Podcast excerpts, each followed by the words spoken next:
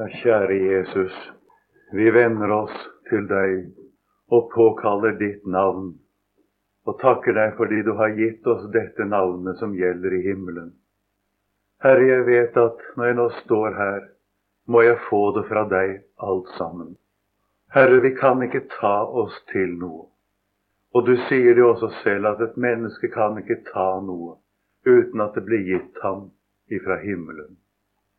Og det som jeg fremfor alt har trang til å be deg om, er at de som er kommet hit til dette samværet fordi de ønsker å få se deg og innser at de trenger deg, ikke må reise skuffet hjem igjen. Så ber jeg om å få alt det jeg behøver, Herre. Amen. Før jeg går over til det som jeg skal lese i dag, skal jeg få si et par ord om dette emnet som er satt opp.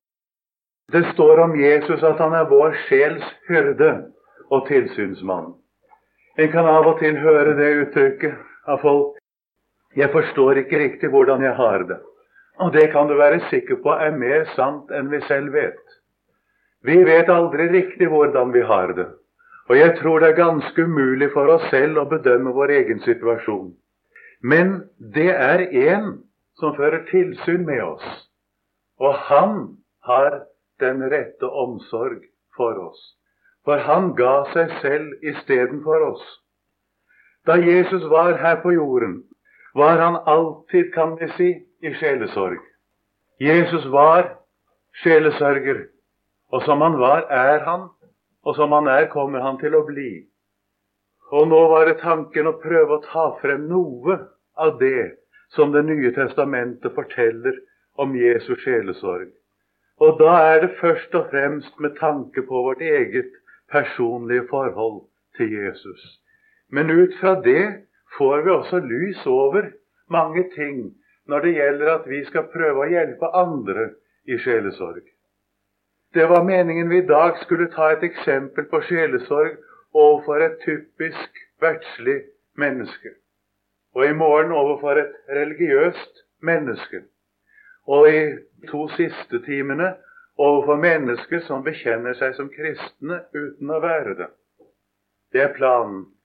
Nå får det stå i Herrens hånd hvordan det går med dette. Som jeg sa, jeg kan ikke ta noe, men Herren har sagt vi får lov å bruke Hans navn, og det gjelder i himmelen, og det regner jeg med. Og du vet at Jesus har sagt der Hans navn kommes i hu, er Han selv til stede. Nå skal vi i dag lese et ord som vi kan si det om at det er slett ikke noe ukjent ord. Det er på en måte et ord man leser atskillig og vet står i Bibelen i hvert fall, og allikevel kanskje et ord som vi kjenner altfor lite.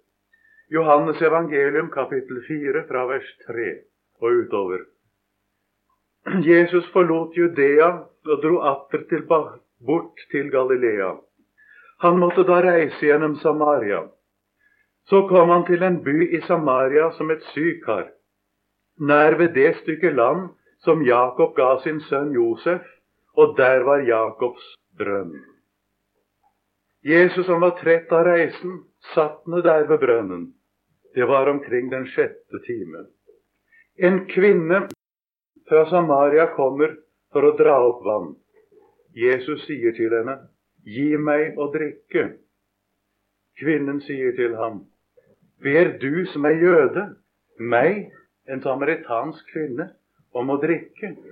Jøder har nemlig ikke samkvem med samaritanere.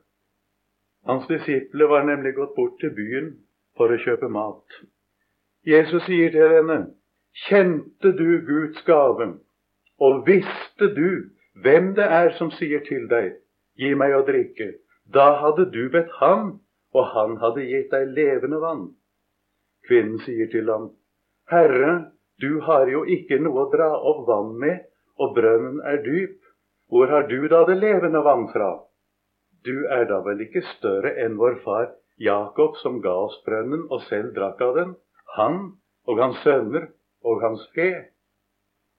Jesus svarte og sa til henne, Enhver som drikker av dette vann, skal tørste igjen.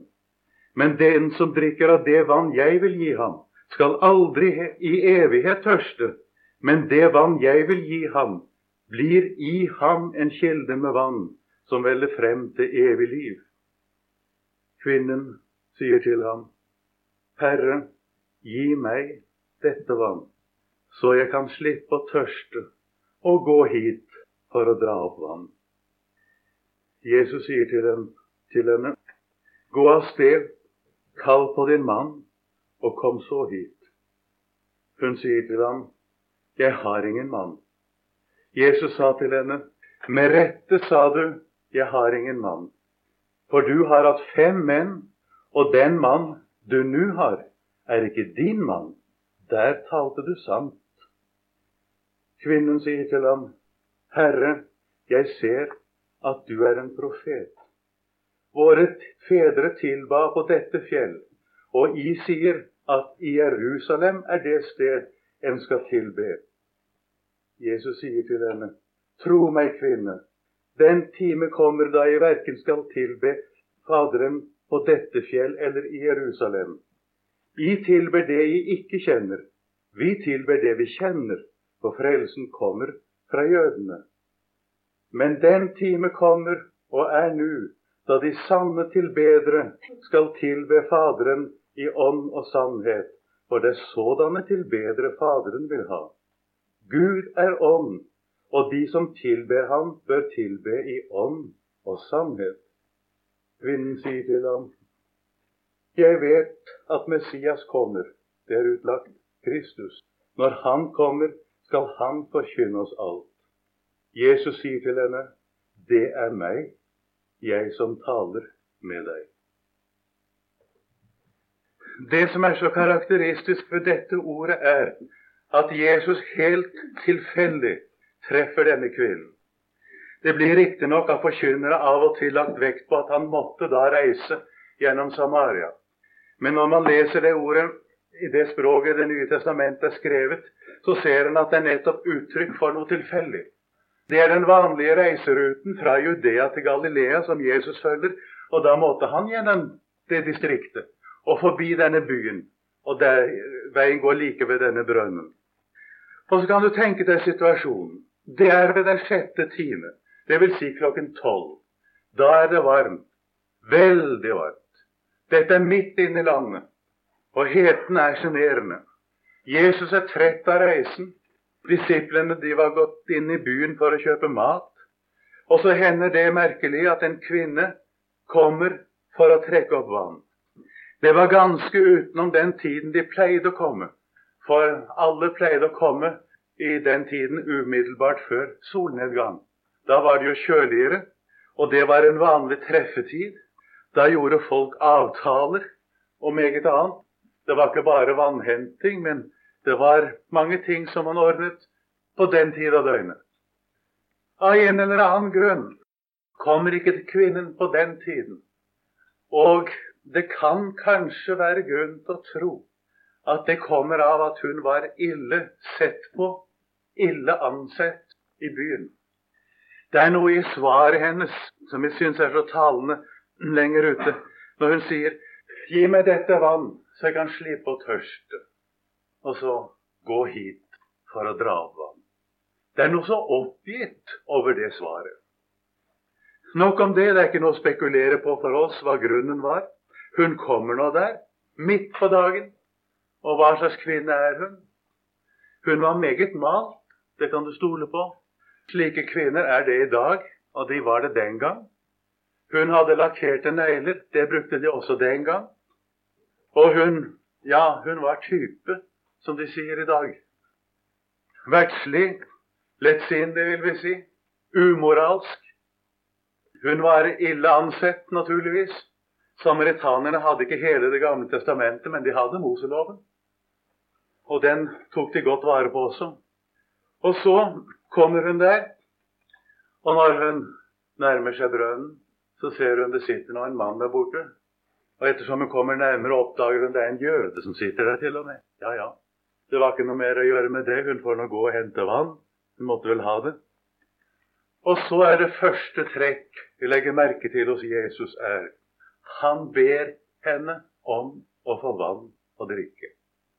Jesus var tørst, Han trengte vann. Og så ber han henne om å få vann å drikke. Og det slår kvinnen. Ber du, som er jøde, meg, en samaritansk kvinne, og underforstått og hvilken kvinne, om å få drikke? Det ligger bakom. Ringakter du meg ikke? Ser du ikke ned på meg?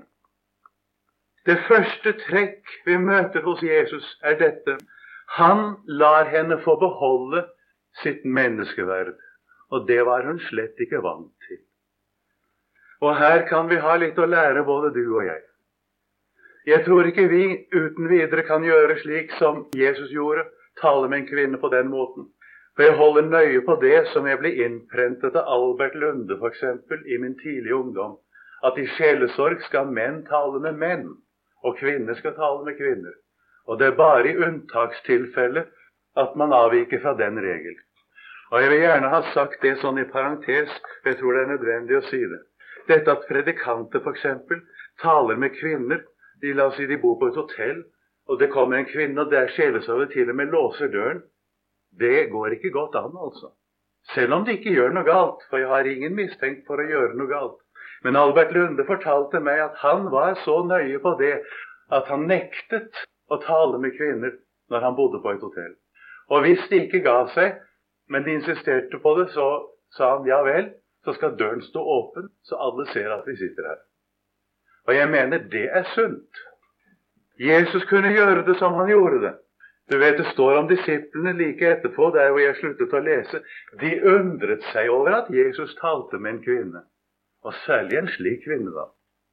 Men nå vet du, Jesus, han er den eneste. Han kan gjøre det. Og det sier oss noe om Jesus sinnelag. Og det sier oss noe om Jesus sinnelag i oss som er født av Gud. Når dette nye mennesket som er født av Gud, får lov å bestemme over vårt liv og vårt forhold til våre medmennesker. Det har vært noe underlig med det at kvinnen blir bedt om å få vann. Og her har jeg lyst til å nevne en erfaring som jeg har gjort selv i sjelesorg overfor verdslige mennesker. Det hender jo det at vi skal øve sjelesorg overfor mennesker som ikke ønsker sjelesorg. Det kan være en nabo du er minnet om å tale med, en slektning, det kan være en nære pårørende for den saks skyld, en arbeidskamerat. Kort sagt et menneske du er minnet om å snakke med om Gud og frelsen. Men vedkommende menneske ønsker ikke å ha noe snakk om slike ting. Og så er spørsmålet hvordan skal en komme i kontakt? For å begynne å prøve sjelesorg med et menneske man ikke er kommet i kontakt med, det er verre enn ingenting. Det Det blir unaturlig, og det tror jeg en ikke skulle innlate seg på. Det skal være en menneskelig kontakt. Det ser vi også i Guds ord. Og spørsmålet er hvordan en kan oppnå en slik kontakt. Og da har jeg oppdaget at det er ingenting som knytter kontakt slik som å be en annen om en tjeneste. Men nå må du legge merke til hva jeg sier. Det er to ting som du må legge nøye merke til. For det første må det være noe du trenger. Du må ikke lage et påskudd, forstår du, for det ser folk på lang avstand. Og det virker så dumt. Man lager seg et påskudd for å snakke med noen. Det skal du ikke gjøre. Det må være en tjeneste på den måten at det er noe man virkelig trenger og ber om. Det er det ene. Og dessuten, det er det andre, det må være noe den annen kan gjøre uten at det koster vedkommende noe å gjøre det. Du kan ikke be om en tjeneste slik at andre de får en masse bryderi og kanskje enda store utgifter på det. Nå er en troende mann et sted her i vårt kjære fedreland han hadde en nabo, da, en bonde. Denne mannen var en kristen, og naboen var det ikke. Og de sto ikke på god fot med hverandre. Så ble det så alvorlig for bonden, dette her. Og Gud minnet ham om igjen og om igjen om at han skulle snakke med sin nabo, og det var jo umulig. Og så spurte han en til råds han skulle gjøre for noe. Så sier vedkommende som spør, han spør til råds, er det ikke en eller annen tjeneste du kan be den mannen om, da? Tja, skulle det være? Ja, sier vedkommende, jeg har jo ikke greie på landbruk, Men tenk noe sånt som å låne en stige, f.eks. Ja, der sa du noe sånt. Der sa du noe. Jeg skal reparere noe på taket mitt, og jeg trenger å låne en stige. Og jeg vet han har en òg. Nå var det visst litt ydmykende for ham å gjøre det, men han gjorde det. Han fikk låne stigen, og forholdet mellom de to var godt fra det øyeblikket av. Han kom i kontakt og på talefot med mannen. Det er noe merkelig med dette. Her sitter Jesus ved bønnen. Han er tørst, og han er trett. Han trenger vann. Om han fikk det, vet jeg virkelig ikke. Det står ikke noe om det her. Men i hvert fall oppnår han én ting. Det går denne kvinnen like inn i hjertet. Tenk, han forakter meg ikke. Tenk, han kan be meg om en tjeneste. Nå, Der var altså en kontakt. Og jeg vil gjerne si det at når det gjelder vår sjelesorg overfor andre, og vi får en kontakt på den måten, da skal vi bruke den straks, og ikke vente med det. Det ser vi Jesus gjør her. Han, han bruker den straks. Han sier til kvinnen noe som er underlig, og som er i høy grad aktuelt i dag. Kjente du Guds gave? Visste du hvem det er som sier til deg, gi meg å drikke? Da hadde du bedt ham, og han hadde gitt deg levende vann. Det står så ofte for meg dette. Kjente du Guds gave? Tenk om menneskene kjente Jesus. Tenk om de visste hvem han er. Det er jo det som egentlig er vår oppgave også. Men nå vil jeg ikke tenke på andre. La oss nå anvende det selv. Si meg, du, kjenner du Jesus? Vet du hvem han er? Vet du hvilket hjertelag han har for deg? Det står et ord om han. Gud være takk for sin usigelige gave. Og i sannhet er han en gave. Han er gitt oss av Faderen, dette mennesket Jesus Kristus, som er Gud selv, Guds egen sønn. Guds egen sønn som er dette mennesket Jesus Kristus. Ja, det er en usigelig gave. Du vet du hvem han er? Du hører om Jesus. Du gjør deg opp noen tanker om ham. Du tenker deg ham kanskje i din fantasi. Du kan være sikker på at alle dine tanker er feil. Alt sammen. Og det er mine også. Og det du tenker deg fantasien, det har ikke noe med Jesus å gjøre. Det kan du stole på. Men du finner ham i ordet. Og ordet sier noe aldeles forunderlig om denne person. At denne Jesus Kristus, det er Gud selv som er dette mennesket. Og dette mennesket, det er Gud selv. Og så sier ordet noe om dette mennesket. Det er en gave. Han kom og tok på seg hele syndeansvaret vårt. Han tok på seg alt hva vi har gjort og vært og tenkt, ment, følt og opplevd og forsømt. Alt tok han. Han simpelthen var deg og var meg overfor Gud, fordi han så helt og fullt kommer der istedenfor deg og meg, under loven, under dommen. Han er en gave. Og det er brukt om Jesu person. Det er også brukt om det evige liv. Nådegave. Det er brukt også om utrustning til arbeid i Guds rike. Det er helst slik vi er vant til å bruke det. Nådegave til et eller annet. Men la oss nå tenke på ordet i forbindelse med Jesus selv. Jesus er en nådegave. Dermed kan vi også peke på det evige liv. Det står om det i Romerne 6. Det evige liv. Guds nådegave er evig liv i Kristus Jesus, vår Herre. Hva er en nådegave? Jo, en gave som du og jeg ikke har fortjent. En gave som vi får uten å ha fortjent det. Slik er Jesus. Du går her så dømt av deg selv. Du er så umulig, så håpløs. Jeg sier, kjente du Guds gave, du? Og hvor glad du skulle bli. Ja, men du skulle vite hvordan jeg er, sier du. Ja, jeg tror jeg vet litt om hvordan du er. For jeg har fått se litt av hvordan jeg selv er. Og da forstår en litt av hvordan andre er også. Når vi ser oss selv i Guds hellige ånds lys, dvs. Si under lovens åpenbarelse, for å bruke et annet uttrykk. Men la oss bruke det uttrykket i denne sammenheng. Vi ser oss i Guds hellige ånds lys når Guds hellige ånd viser oss hvem vi er og hva vi er. Og da ser vi én ting. Det er og blir håpløst med meg. Sannheten er den at hvis ikke vi fikk alt for intet, var det ikke håp. Men så kommer Guds ord og sier du har fått en gave, og gaven er intet mindre enn Jesus Kristus, Guds egen sønn som er blitt menneske i ditt sted. Kjente du Guds gave, ja? Der Jesus sitter, måtte være underlig for ham. Han vet at alt det som denne kvinnen har stelt til i sitt liv, det sitter Jesus der og er ansvarlig for. Det visste ikke kvinnen. Han hadde ikke anelse om noe sånt, hun. Men Jesus vet det. Jesus taler ut fra det han forstår det. Han vet det også om oss. Og det er den store forskjell at nå er dette fullbrakt. Og nå er Jesus i himmelen ved Faderens høyre hånd som menneske fremdeles. Men forsoningen er fullført. Syndeansvaret er tatt bort. Men han er der istedenfor deg og meg, og gjelder for deg og meg. Så vi kan trygt spørre kjente du Guds gave, ja? Jeg kunne ha lyst til å spørre ja, vet du hvem jeg står og taler om? Og så sier Jesus hvis du kjente ham, da ble det nok ikke jeg som ba deg om å få drikke, men da ble det du som ba meg. Og så skulle jeg gi deg levende vann. Og det er et ordspill. Det betyr to ting på en gang, det. Det betyr kildevann, og nå var det kildevann i Jakobsbrønnen. Det var levende vann i den, nemlig.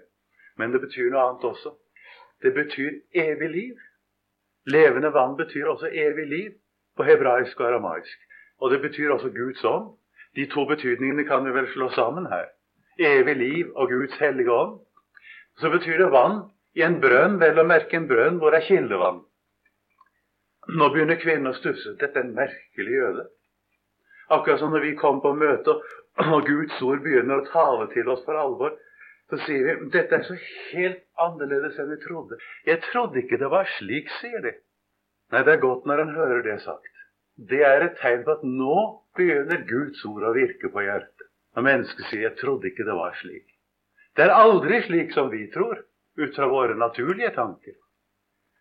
Og hun begynner å spekulere denne kvelden, og så spør hun hvor har du levende vann fra? Sin? Herre, du har da ikke noe å dra opp vann med, du, og brøden er dyp. Hvor har da du det levende vann fra?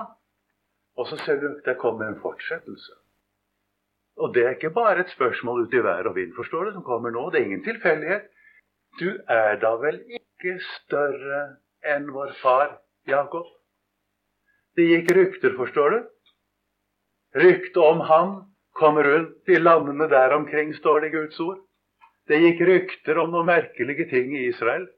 Riktignok var ikke dette nådd klimaks på langt nær ennå. Ennå er det ikke kommet så langt at Jesus har flyttet til Kapernaum. Det er det ikke. Men det var begynt å gå rykter om at det var skjedd noe merkelig oppe i et bryllup oppe i Kana. Og det var skjedd noe merkelig nede i Judea. Det var noen disipler til en, en eller annen lærer som døpte flere enn døperen Johannes døpte. Og denne læreren fikk flere disipler enn Johannes fikk. For som står i begynnelsen av kapittelet her, da når Jesus fikk høre at fariseerne hadde fått høre at Jesus vant flere disipler og døpte flere enn døperen Johannes Dog var det ikke Jesus selv som døpte med hans disipler. Da dro han bort derfra, og bort fra Judea, og dro atter tilbake til Galilea. Og så er det på veien dette hender som vi har lest. Jo, det var begynt å gå rykter. Dette spørsmålet er ikke et tomt spørsmål. Og det er ingen harselas. Det kan du stole på. Jeg har hørt predikanter legge det ut som det er en spott mot Jesus. Ja, alt annet enn det. Det er et ærlig spørsmål. Hun mener det. Du er da vel ikke større? Kan, kan så store ting hende meg? At jeg virkelig står her ved brønnen og snakker med en som er større enn han som ga oss brønnen og selv drakk av den? Han, hans sønner og hans fe? Så svarer Jesus igjen og det er så typisk.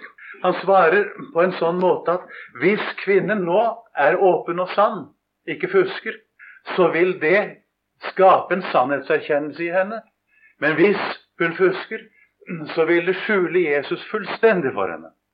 Det er med hensikt Jesus svarer slik. Og Har du lagt merke til at sånn kommer Guds ord så ofte til mennesker? De som er av sannheten, de får et opplatt øye i hjertet til å se og forstå. Mens de som ikke er av sannheten, de blir forblindet av det budskap som åpenbarer det for andre. Typisk i så måte er Jesu lignelsesforkynnelse. Men vi har noe av det samme her. Enhver som drikker av dette vann, sier Jesus, skal tørste igjen. Det visste jo kvinnen vel om. Men den som drikker av det vann jeg vil gi ham, skal aldri i evighet tørste. Men det vann jeg vil gi ham, blir i ham en kilde med vann som veller frem til evig liv. Dermed har Jesus sagt det. Og det virker på kvinnen. For du finner den samme dobbeltheten på en måte i gjenklang i svaret hennes. Herre, gi meg dette vann. Hun er livstredd. Hun er lei av livet for lenge siden.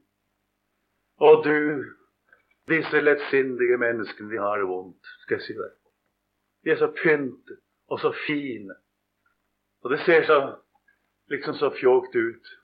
Og de har det så vondt. Og mange av dem er ikke som gråter seg i søvn, tror du. Tenk på ungdommen som er ute og fest og skøyer. Holder leven og drikker og gjør andre ting og kommer hjem og ligger i sin seng og storgråter. Det ser ingen. Men Jesus ser det. Jesus ser det, ja. Og han er omsorg. Og Vi skulle tenke litt mer på det, vi som forkynner Guds ord. Det er veldig lettvint dette her, som en av og til merker at vi er kristne og de andre er verdslige. Så sniker en fariseerånd seg inn i det òg.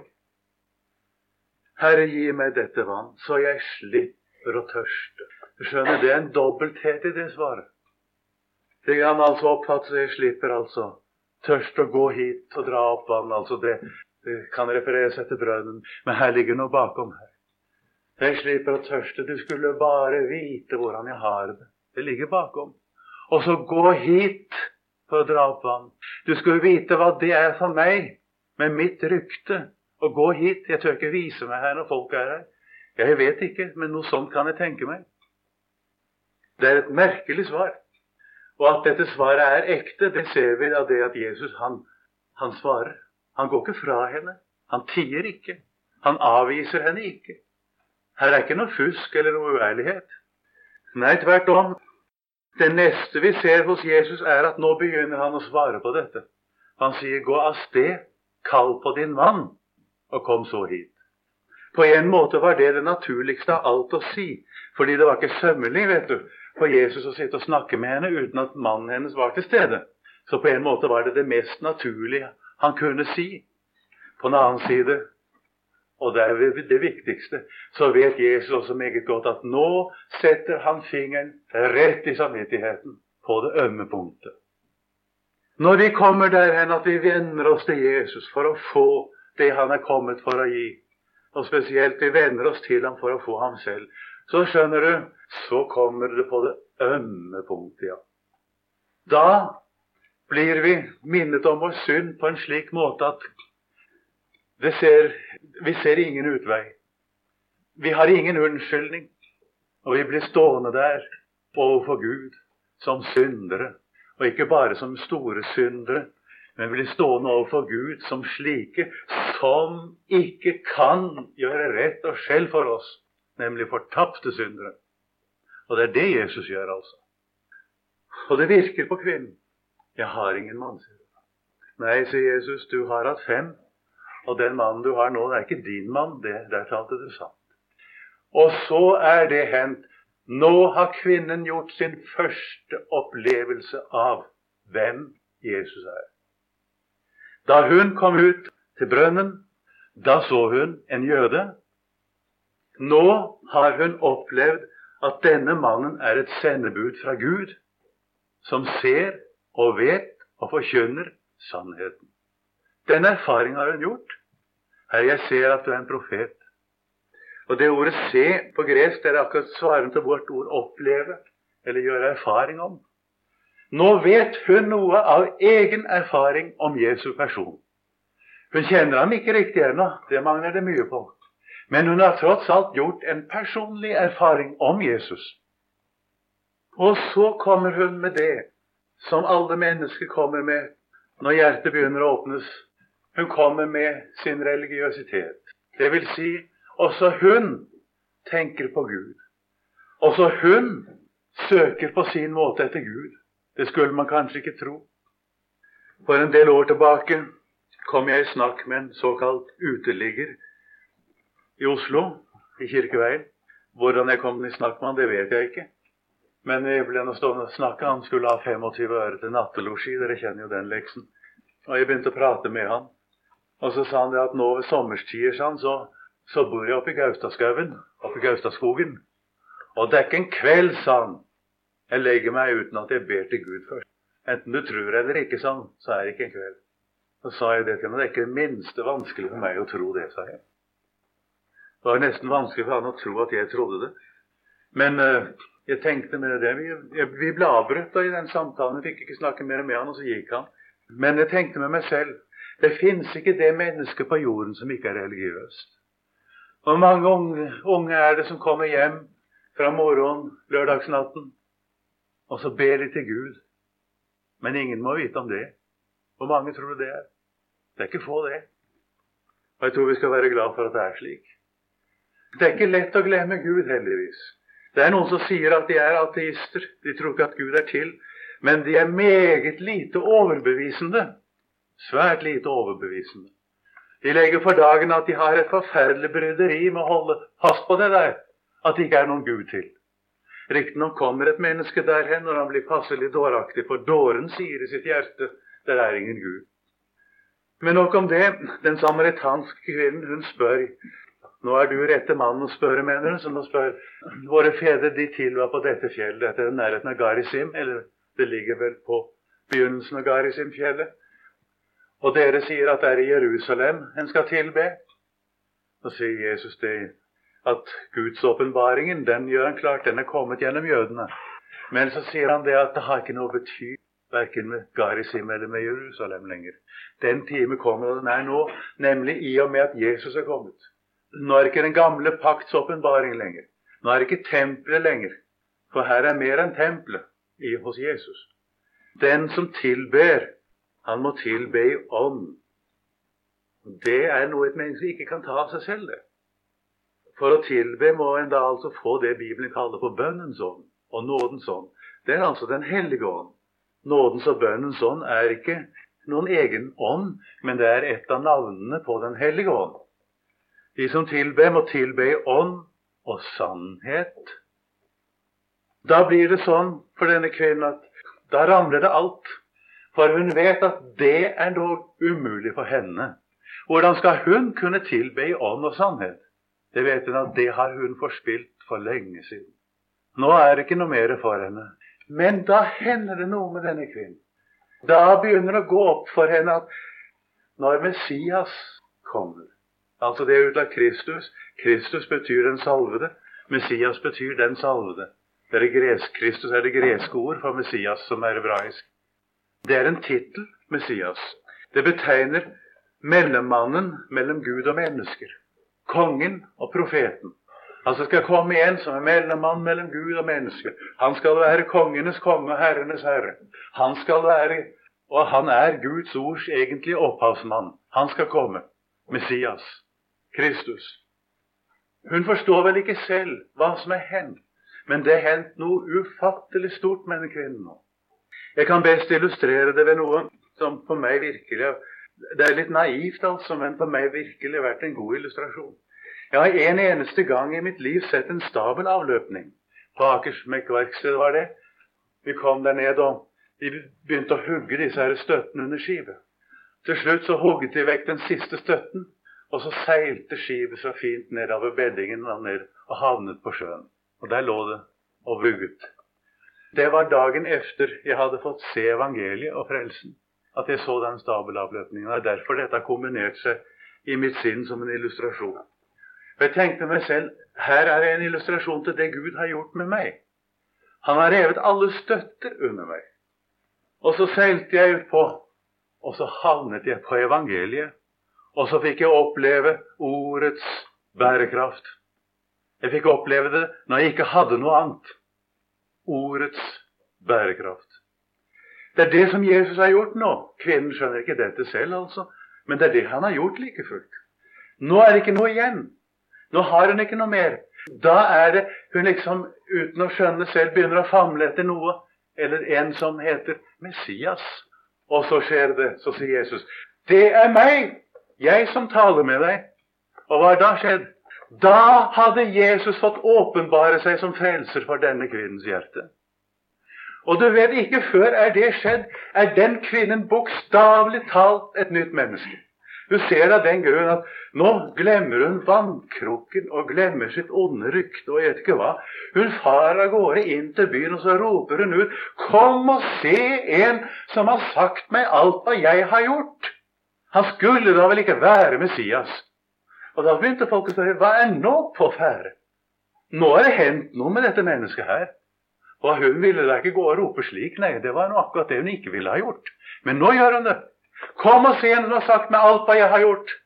Nå vet du, hele feller hun selv dommen over hele seg selv. Men det gjør ikke noe, for nå har hun sett en som Ja, han er nok Messias. Kom og se han. Og de kom, og de så. Og det ble en vekkelse der i Sykar og omland. Og så sier de til kvinnen, som du leser det til slutten av kapittelet der, nå tror vi ikke lenger for din tales skyld, for vi har selv sett og hørt og vet at denne sannelig er verdens frelser.